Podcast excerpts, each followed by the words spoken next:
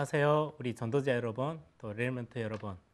어, 말씀 속에서 저와 여러분이 굉장히 큰 힘을 하나님이 주시는 큰 힘을 얻기를 바랍니다. 오늘 하루 여러분들이 굉장히 많은 사건, 또 일, 또 많은 만남, 여러분들이 해야 될 많은 것들 속에서 굉장히 중요하게 붙잡아야 될 단어가 있습니다. 그게 바로 하나님의 나라라는 단어입니다.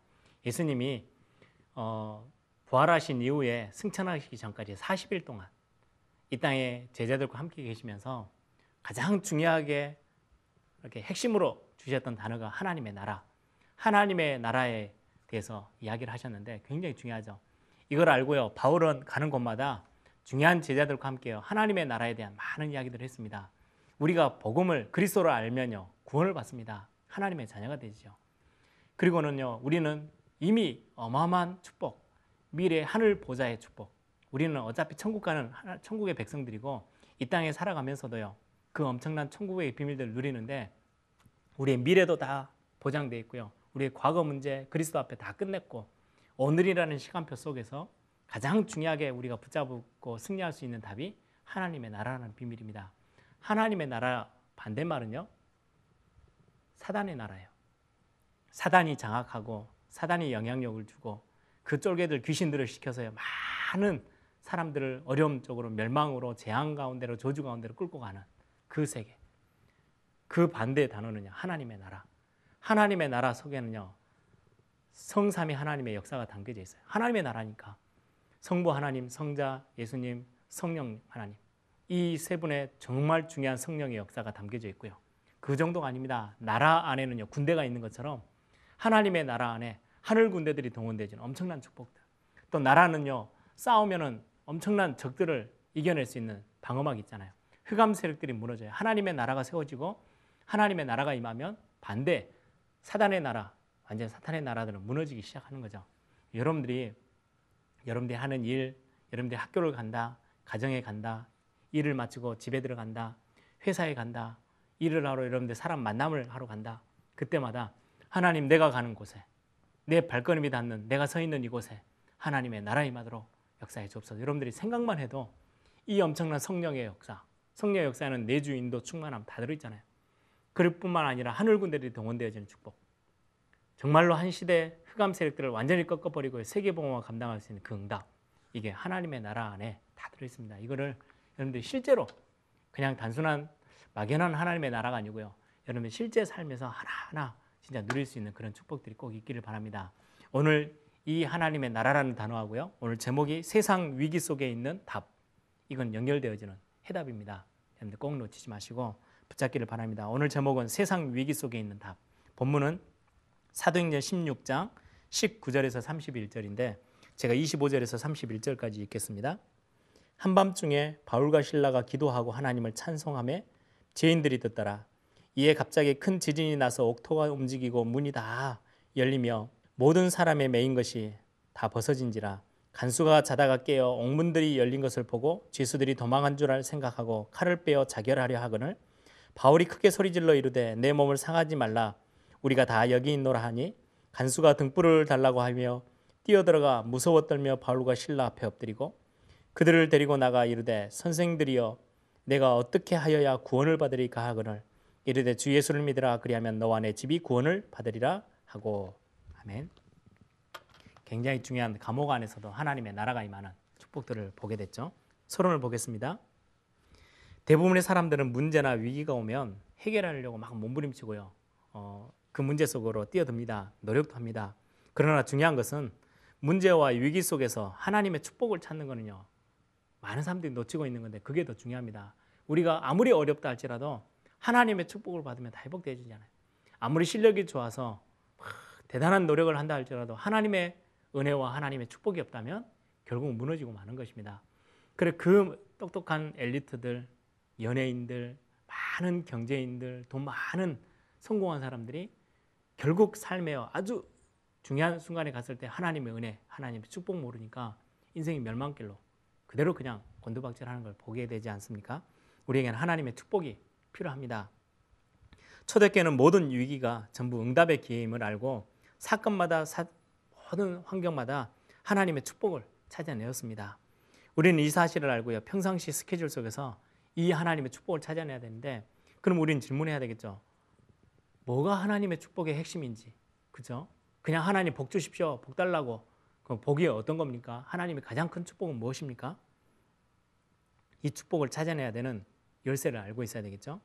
사도행전 1장 1절에서부터 11절 이 비밀을 초대교회 모든 성도는 다 가지고 있었고요. 중요한 응답을 받았던 사람들은 이 답을 다 갖고 있었습니다. 그리스도, 하나님의 나라, 성령의 충만함. 이 속에서 모든 답을 다 얻어야 됩니다. 1번입니다. 성령 충만함.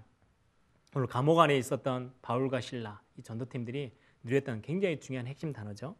늘 성령 충만을 놓고 기도 속에서 힘을 얻어야 합니다.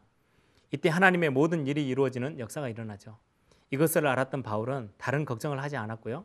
성령 인도를 받으려고 중요한 선교 현장에 나갈 때도 금식하며 기도했죠. 또 전도의 문이 막힐 때면요 인본지를 쓰지 않고 기도를 통해서 더 큰 응답을 받아냈던 바울 팀입니다.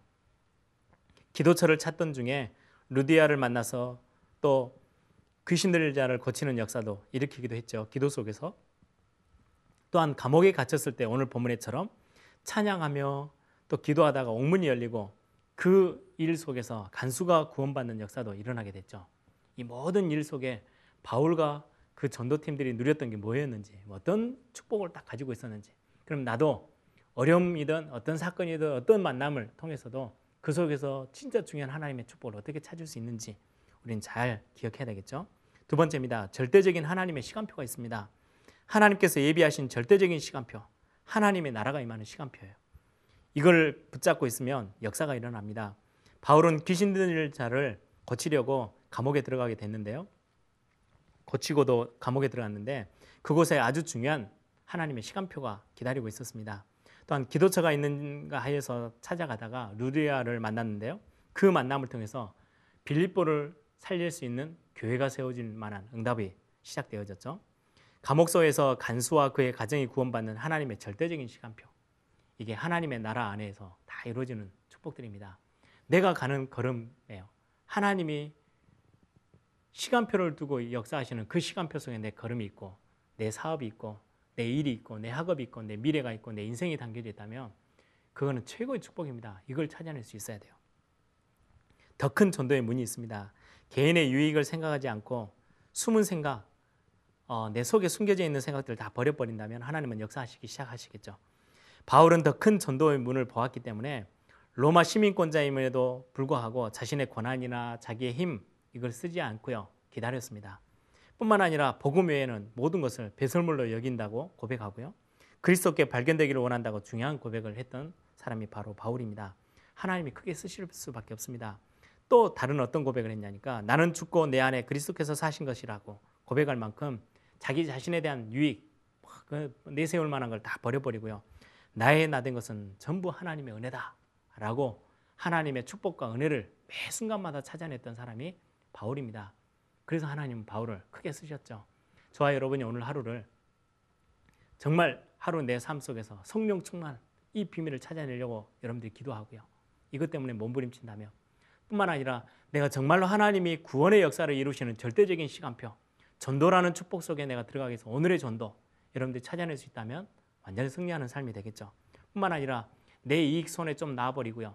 정말 하나님의 계획과 하나님의 은혜 속에 깊이 들어가기 위해서 여러분들이 이 축복을 갈구한다면 여러분들은 승리자입니다. 어떤 현실 속에서도 승리할 수 있습니다. 이 부분을 여러분들이 놓치지 않는 시간들이 되길 바랍니다. 포럼의 주제입니다. 하나님의 자녀는 반드시 문제와 위기 속에서 하나님의 계획과 축복을 찾아낼 수 있어야 합니다.